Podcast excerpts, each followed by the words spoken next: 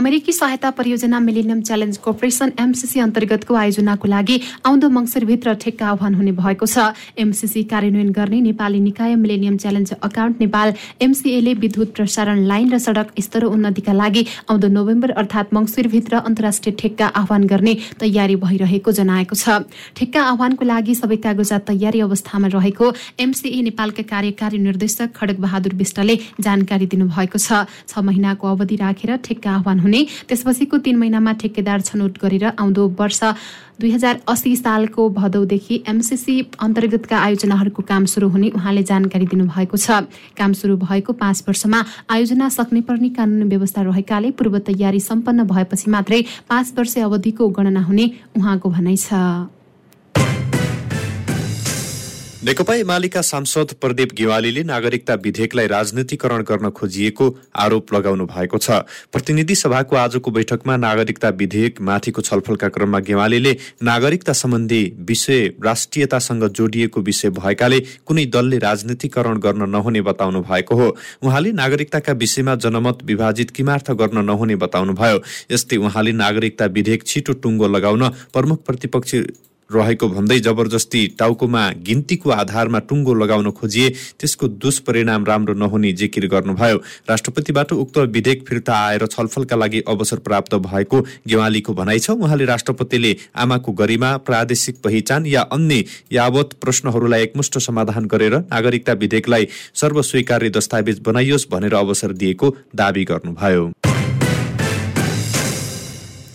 नागरिकता विधेयकमाथि निर्णय लिन प्रतिनिधि सभामा मत विभाजन गरिने भएको छ। सोही अनुसार सभामुखले प्रक्रिया अगाडि बढाएका छन्।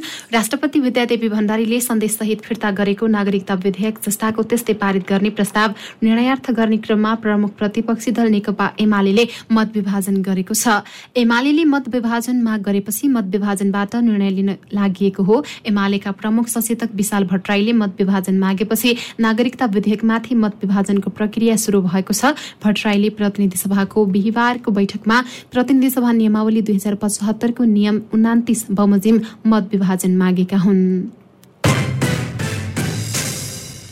प्रधानमन्त्री शेरबहादुर देउवाले स्वदेशी सिप र प्रविधिमा आधारित उद्योगबाट उत्पादित वस्तुको प्रचार प्रसार र बजार विस्तार गर्न आवश्यक रहेको बताउनु भएको छ। महिला उद्यमी महासंघ नेपालको आयोजनामा आजबाट ललितपुरमा सुरु भएको छैठौं अन्तर्राष्ट्रिय व्यापार मेला उद्घाटन गर्दै प्रधानमन्त्री देउवाले स्वदेशी श्रम सिप र कच्चा पदार्थमा आधारित उद्योग स्थापना गरी आयात प्रतिस्थापन र निर्यात प्रवर्धन गर्न सहयोग पुर्याउन आग्रह समेत गर्नुभयो।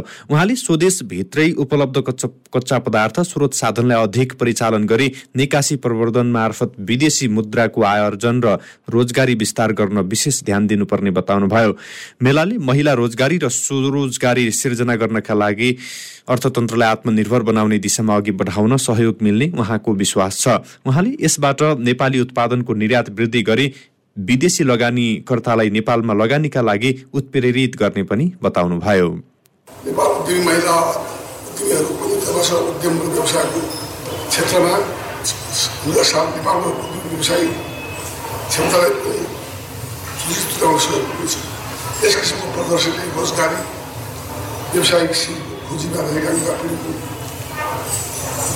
महिलालाई उद्यम व्यवसायमा लागेर उत्प्रेरित गर्न मिल्दैछ त्यसैले महिलाहरूमा रोजगारी स्वरोजगारी गराई अर्थतन्त्रलाई अगाडि बढाउनु त्यो पुग्ने भन्ने विश्वास छु व्यापार मेलामा कृषि हस्तकला सेवा चाडपर्व खाद्यवस्तु अन्तर्राष्ट्रिय उद्यमीको उत्पादन लगायत एक सय नौ स्टल राखिएको आयोजकले जनाएको छ। मेलाको पचपन्न हजारले अवलोकन गर्ने र दुई करोडको दुई करोड बराबरको कारोबार हुने अनुमान गरिएको छ। नेकपा माओवादी केन्द्रका अध्यक्ष पुष्पकमल दाहाल प्रचण्डले रूपान्तरणको काम आफैबाट शुरू गर्न पार्टीका नेताहरूलाई सुझाव दिनुभएको छ। रामवृक्ष यादवको अठाइसौं स्मृति दिवसका अवसरमा माओवादी पार्टी कार्यालय पेरिस डाँडामा आयोजित कार्यक्रममा प्रचण्डले पार्टीलाई अघि बढाउन एक व्यक्ति मात्रै रूपान्तरण भएर नपुग्ने भन्दै रूपान्तरणको सुरुवात आफैबाट गर्न पार्टीका नेताहरूलाई सुझाव दिनुभएको हो।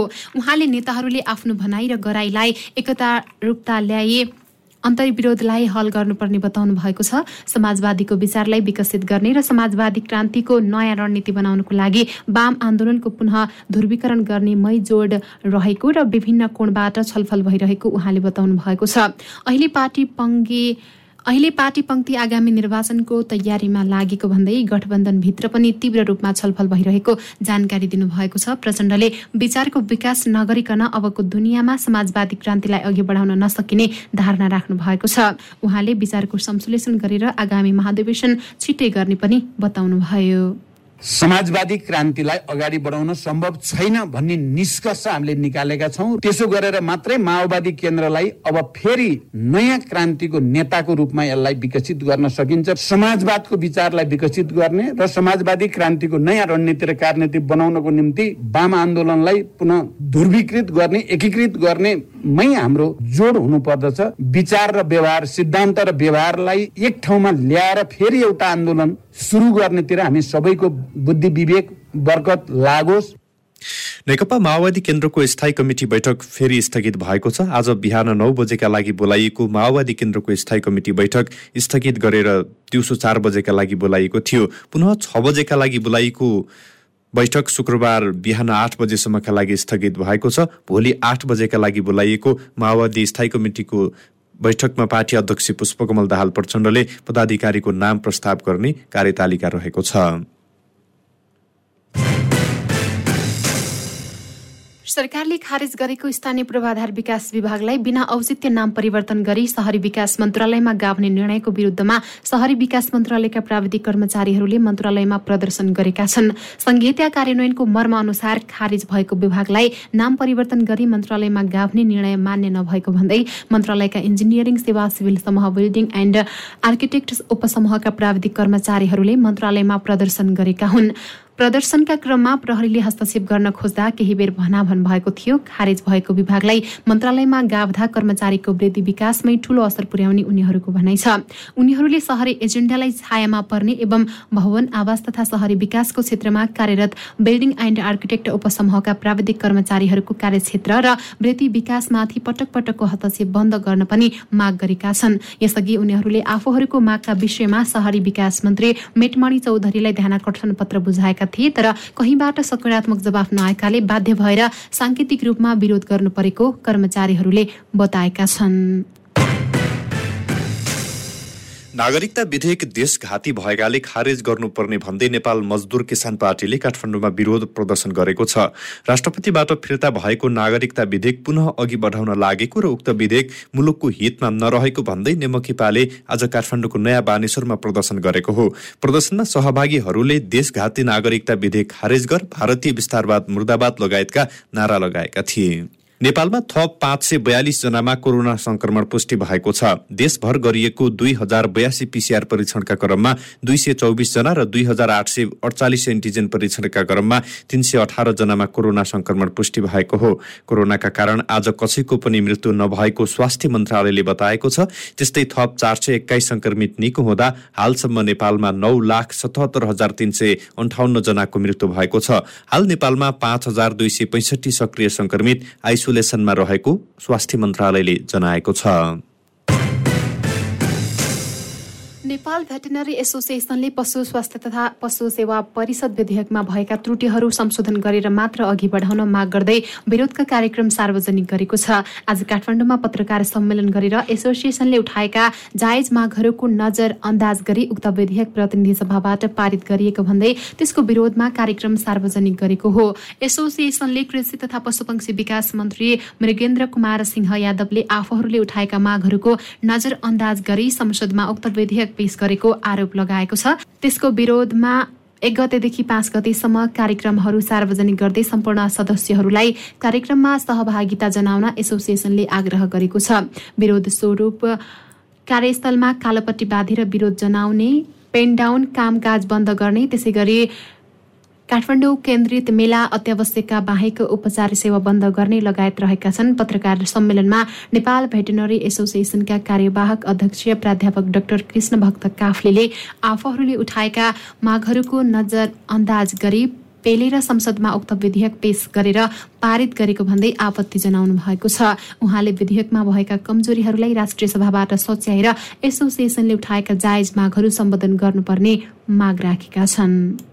यसरी पशु स्वास्थ्य जस्तो गम्भीर विषयमा विज्ञ र प्राविधिक बीच सामान्य भिन्नता समेत नदेख्ने गरी विवादित विषयहरू सम्बोधन नगरी द्वैत अर्थ लाग्ने गोलमटोल शब्दहरू राखी विधेयक पारित गरिएको प्रति यस एसोसिएसन गम्भीर आपत्ति प्रकट गर्दछ। विदेशमा रहेका दक्ष जनशक्ति स्वदेश भित्राउने नीति र वातावरण विकास गर्नुपर्नेमा दिनानुदिन वैज्ञानिक जनशक्ति पलायन हुने अवस्था सिर्जना गरिँदैछ। यस विधेयकमा भएका कमी कमजोरीलाई सम्मानित राष्ट्रिय सभाबाट सच्चाइ हाम्रा जायज मागहरू सम्बोधन गर्न जोरदार माग गर्दछौँ।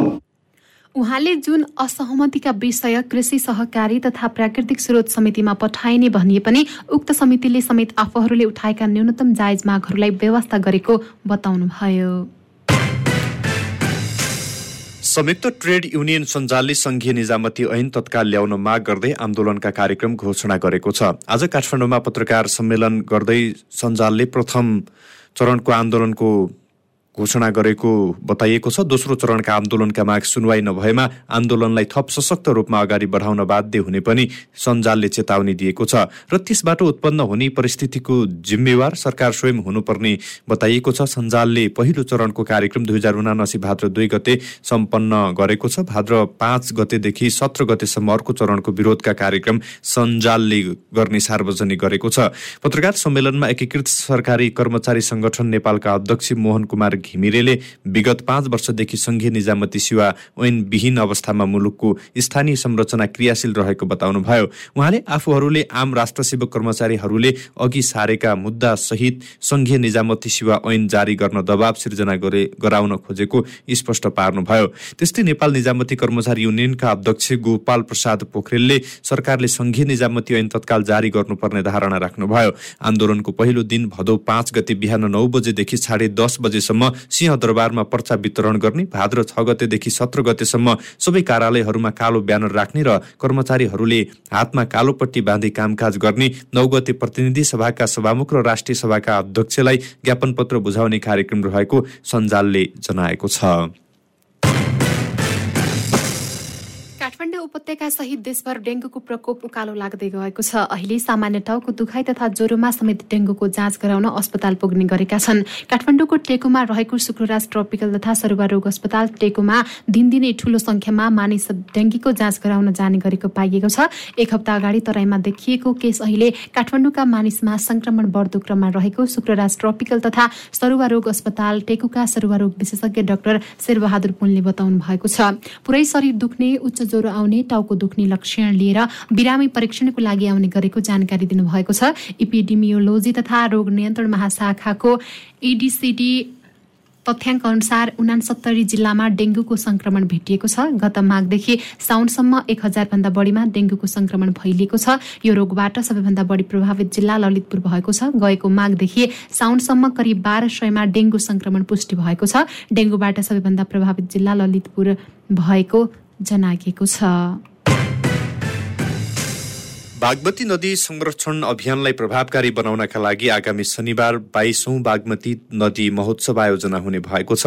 Nepal association of rafting agencies नारा प्राकृतिक स्रोत दण्ड रूपान्तरण केन्द्रले आज काठमाडौँमा पत्रकार सम्मेलन गर्दै शनिबार बिहान सात बजेदेखि कुपनडोल बागमती पुल ललितपुरबाट जल यात्रा गरिने जानकारी गराएको हो। महोत्सवमा ऱ्याफ्टिङका साथै बागमती नदी किनारमा विभिन्न रचनात्मक कार्यक्रम गरिने नाराले जनाएको छ। धार्मिक महत्व बोकेको बागमती नदीलाई संरक्षण गर्नका लागि र सबैलाई दायित्व बोध गराउनका लागि पनि महोत्सवको आयोजना गरिएको नाराका अध्यक्ष शिव अधिकारीले जानकारी दिनुभयो। यसबाट नागरिकहरूको स्वास्थ्यमा गम्भीर नकारात्मक असर परेको थियो र परिरहेको छ। धार्मिक तथा सांस्कृतिक क्रियाकलापहरू पर्यटन र दैनिक जनजीवन समेत नराम्ररी प्रभावित भएको छ। उपत्यकाका नदी नालाहरू धार्मिक तथा सांस्कृतिक अनुष्ठानका लागि किनाराहरूमा नगरी नहुने हिन्दू सांस्कृतिक प्रावधानहरू छ। यस अवस्थामा हामीले खोलाका किनारहरूमा हिँड्दा पनि आँखा बन्द गरेर हिँड्नुपर्ने नाक बन्द गर्नुपर्ने अवस्था छ। जसले गर्दा यसको उचित संरक्षण र यसको पूर्ण बागमती बहनलाई चालिसौँ वर्ष पुरानो अवस्थामा फर्काउनु पर्ने आजको आवश्यकता छ। त्यस्तै प्राकृतिक स्रोत दण्ड रूपान्तरण केन्द्रका अध्यक्ष मेघ घलेले बागमती नदीलाई यसअघिको अवस्थामा ल्याउनका लागि र अहिलेको अवस्थाका बारेमा जनतालाई जानकारी गराउन महोत्सव सञ्चालन हुने विश्वास व्यक्त गर्नुभयो। मध्य प्रदेश सरकारले बेटी पढाऊ बेटी बचाऊ अभियान अन्तर्गत वितरण गरेको साइकल खरिद प्रक्रियामा मुख्यमन्त्री र प्रदेश सचिवले हस्ताक्षर गरेका कागजात हराएका छन्। मुख्यमन्त्री कार्यालयको उच्च स्रोतका अनुसार चौध हजार साइकल खरिद प्रक्रियाका कतिपय कागजात कार्यालयमै छैनन्। अख्तियार दुरूपयोग अनुसन्धान आयोगले आर्थिक वर्ष दुई हजार पचहत्तर छयत्तरमा गरिएको उक्त खरिद प्रक्रियामाथि छानबिन गरिरहेकाले निर्णय फाइल मागेको थियो। अख्तियारमा पठाउन खोज्दा मुख्यमन्त्री र प्रदेश सचिवले हस्ताक्षर गरेका कागजात नभेटिएको स्रोतले जनाएको छ। मुख्यमन्त्री कार्यालयका सचिव मेघ बहादुर मगरातीले गत ती कागजात कार्यालयमा नभेटेको स्वीकार गरेका छन्। उहाँले अख्तियारले मागेका कागजात खोजी भइरहेको बताउनुभयो। ओखलढुङ्गामा एकजना उन्नाइस वर्षीय किशोरी बलात्कृत भएकी छन्।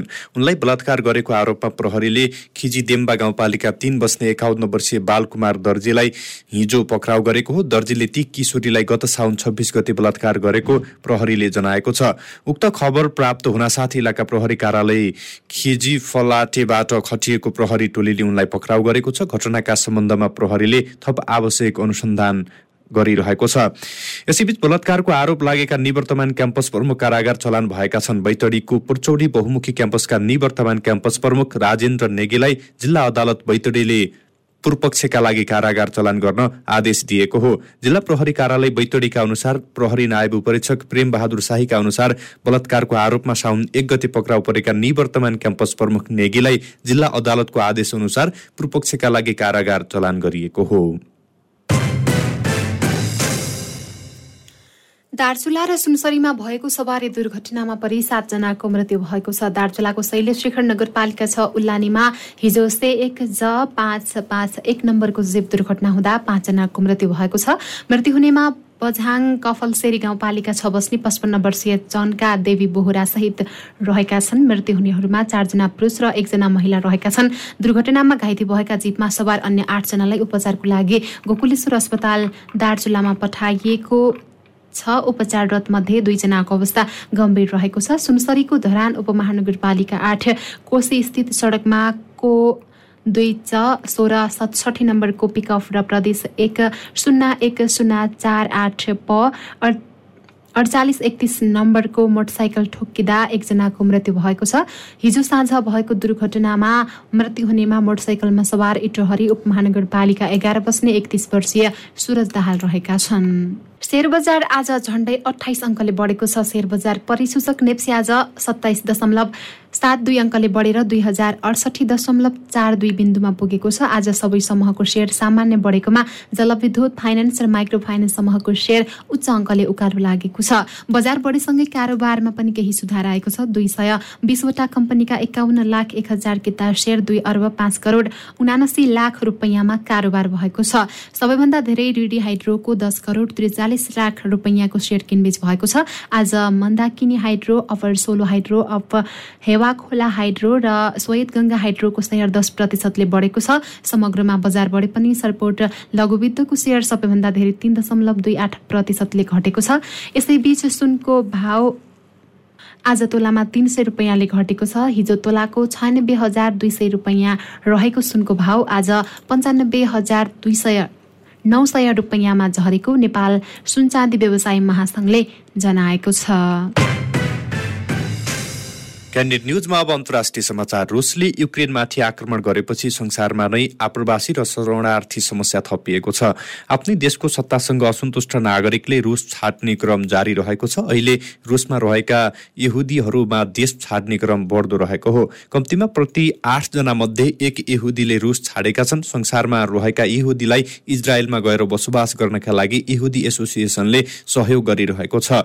रुसमा रहेका एक लाख पैँसठी हजार यहुदी मध्ये गत मार्च देखि यता बिस हजार पाँच सय यहुदी इजरायल पुगेको जनाइएको छ। हजारौं जना अन्य देशमा पनि गएका छन्। अहिले देखिएको यो सामूहिक बसाइसराईमा ऐतिहासिक मान्यताले पनि काम गरेको जनाइएको छ।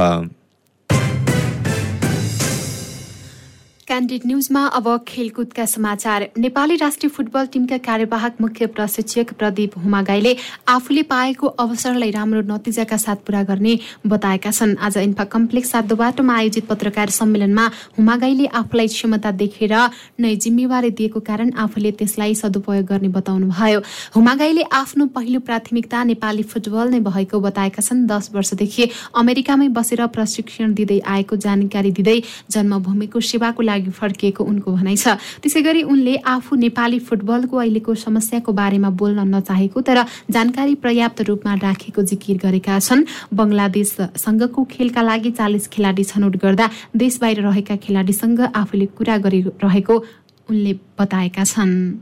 त्यसै गरी मुख्य प्रशिक्षक अब्दुल्लाह अल्मोताइरीको अनुपस्थितिमा एन्फाले हुमागाईले कार्यवाहक मुख्य प्रशिक्षक नियुक्त गरेको थियो। नेपाली टोलीले आगामी असोजमा बङ्गलादेश विरुद्ध एक मैत्रीपूर्ण खेल खेल्दैछ। मैत्रीपूर्ण खेल असोज एघार गते दशरथ चन्द नगरपाली दशरथ रङ्गशालामा हुनेछ जसका लागि हुमागाईलाई एन्फाले कार्यवाहक मुख्य प्रशिक्षक नियुक्त गरेको हो।